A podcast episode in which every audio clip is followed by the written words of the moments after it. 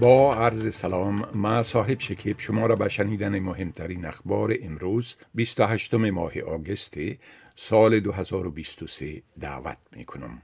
دستور جدید طالبان علیه زنان که آنها را از بازدید از بند امیر منع می کند با انتقاد شدید مواجه شده است.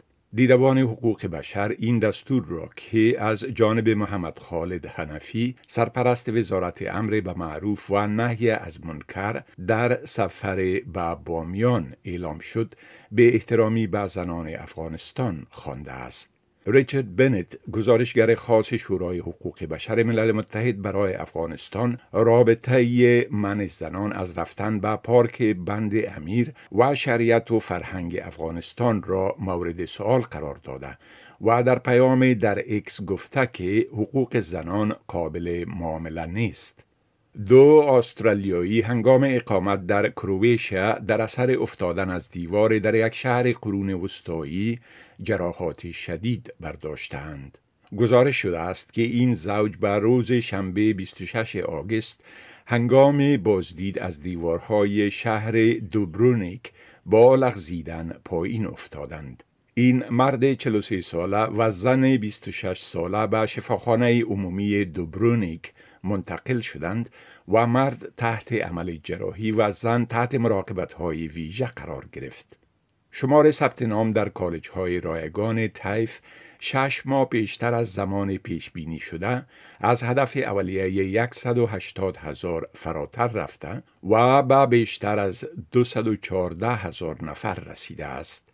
بخش مراقبت با بیش از 51 هزار محصل یا در حدود یک چهارم کل ثبت نام ها بزرگترین ساحه این تحصیلات حرفوی رایگان است. بخش ساختمانی تقریبا 21 هزار ثبت نام را جلب کرده در بخش تکنولوژی و دیجیتال تقریبا 17 هزار نفر و در بخش آموزش و مراقبت دوران کودکی تقریبا 12 هزار نفر ثبت نام کردند.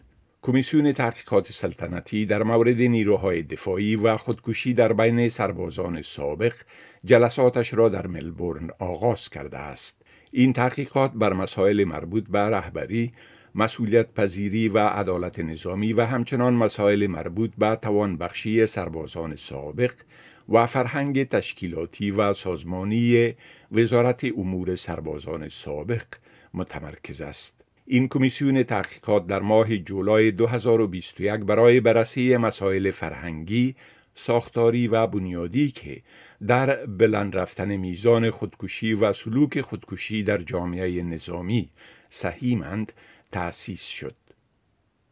حداقل 42 هزار مهاجر در آخر هفته وارد جزیره لامپدوسای ایتالیا شدند.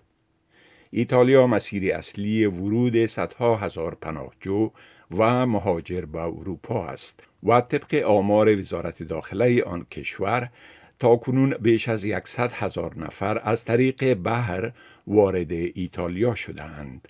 این تعداد به سابقه مواصلت مهاجرین به این جزیره است. چنانچه در مدت مشابه در سال گذشته شمار مهاجرین وارد شده به آن کشور در حدود 45 هزار نفر بود.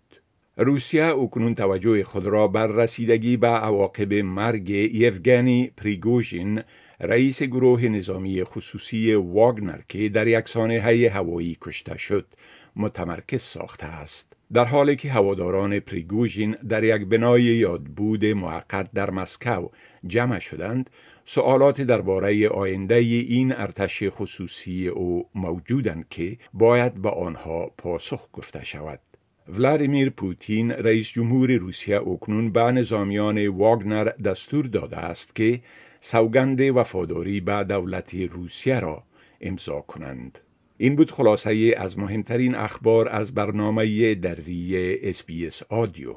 شما می توانید گزارش های بیشتر درباره موضوعات گوناگون را در وبسایت ما به آدرس sbs.com.au دری بشنوید و بخوانید.